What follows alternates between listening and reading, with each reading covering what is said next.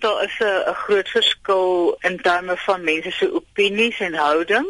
Daar's ook groot verskille in terme van kennis oor die implikasies van hierdie genetiese toetsing. Party mense is inderdaad meer aggressief as ander. Kom ons kyk 'n bietjie na mense se opsies wat byvoorbeeld aangeneem is wat nie weet wat hulle mediese geskiedenis is nie. Watter opsies is daar vir hulle? Ek dink as mens aangeneem is en jy het geen indikasie oor wat jou familiegeskiedenis is nie, maak genetiese toetsing baie min sin. Want genetiese toetsing is vir mense waar daar sterk vermoede is van 'n oorerflike kankerrisiko. Dit is baie moeilik om toetse te doen as mens uh, in die donker skiet want moet jy nou cholesterol toets of moet jy 'n genetiese toets doen vir borskanker of vir 'n bloedingsneiging of waarna kyk 'n mens eintlik? So sonder 'n familiegeskiedenis is daar nie baie rede om genetiese toetsing te doen nie. Een van die voorwaardes vir genetiese toetsing is baie baie deeglike berading.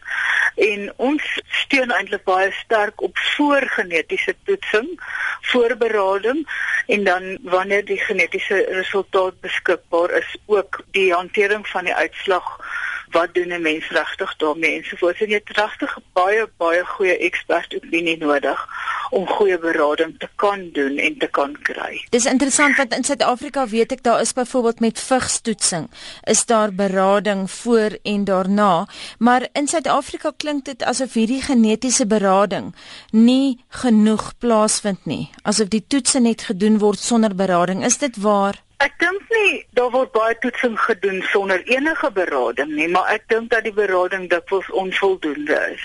En die rede daarvoor is dat daar onvoldoende kennis is. Daar's eintlik baie min sentrums waar daar goeie kennis is oor hoe om mense te ondersteun en watter tipe raad en advies om te gee.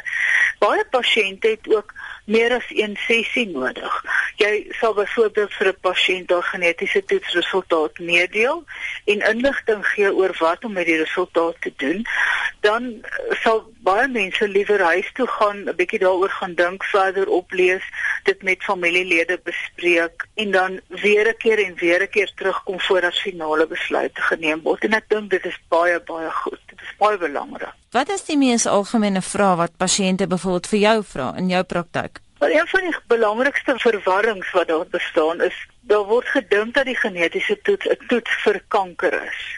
Maar dit is natuurlik 'n toets vir kankerrisiko. So dis net 'n manier om te bepaal wat is die kans dat iemand gaan kanker kry. Dit is nie 'n kankertoets nie. So dis die eerste soort van belangrike vraag.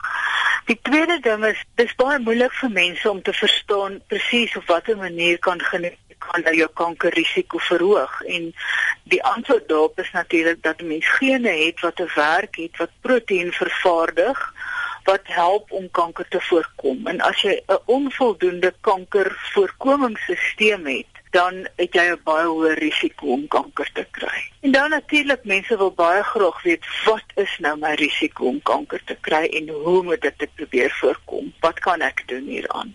En wat kan 'n mens doen? Gesonde leefstyl soos wat kan se altyd uh, sê? Gesonde leefstyl is ongelooflik belangrik vir die algemene populasie, want daar is baie kankers wat leefstyl gekoppel is. Maar ongelukkig maak dit 'n baie klein verskil vir mense met 'n sterk oorerflike risiko vir kanker. As jy 'n baie hoë oorerflike kankerrisiko het, dan sal 'n gesonde leefstyl bietjie help, maar dit gaan beperk help. 'n Gesonde leefstyl is altyd goeie advies, maar dit is nie voldoende vir mense waar daar 'n sterk oorerflike risiko is om kanker te kry nie. Wat 'n mens moet doen is, um, mense moet uh, kyk na watter kanker daar spesifieke risiko voor is en met die borskanker geen is daar baie hoë risiko vir borskanker en 'n baie hoë risiko vir ovariumkanker. En eierstokkanker kan 'n mens eintlik nie regtig voorsif nie. Die risiko begin 'n bietjie later en die advies is dat mens die eierstokke verwyder op 'n uh, gegeewe ouderdom. Vir borskanker is daar hormonale voorkoming wat tot 'n mate help en natuurlik is mastektomie nou baie in die nuus en dis die mees voorkomende, mees beskermende aksie wat 'n vrou kan neem om haar bors te beskerm teen borskanker. Dit is uh, 'n baie drastiese stap om te neem. Kom ons gaan net eers terug na die genetiese toetsing toe. Is die Suid-Afrikaanse mediese establishment genoegsaam ingelig oor hierdie opsies en hoe lank is dit al beskikbaar? Wel, die toetsing is tot 'n mate beskikbaar vanaf die mid 1990s maar uh, dit was nie wyd beskikbaar nie. Dit is selfs nou ook nog nie wyd beskikbaar as ook baie verskillende toetsopsies en mense behoort nie na laboratorium toe te gaan en net 'n toets aan te vra nie omdat die laboratoriums baie verskillende opsies aanbied en omdat al die verskillende toetse nie die korrekte toets sal wees vir 'n spesifieke persoon nie. Dit is populasie gekoppel. Dit is uh ouderdoms gekoppel. Ag, dit is baie ingewikkeld. Mens kan nie net enige toets aanvra nie. Professor, jy is nou gekoppel aan die Steve Biko Akademiese Hospitaal. Jy's vir baie jare werk jy in hierdie veld. As daar een boodskap is wat jy vir RSG luisteraars het, wat sou dit wees? Doen jou huiswerk regtig baie goed. Vind uit wat in jou familie aangaan. Almal met 'n geringe familiegeskiedenis het nie 'n massiewe risiko nie. En uh kry ekspertadvies. En as mens nie tevrede is na een of twee konsultasie nie, dan moet mens verder soek vir nog meer ekspert advies wat meer weet totdat jy gemaklik voel met die tipe berading wat jy kry en totdat jy gemaklik voel ook met die interpretasie van jou genetiese toets.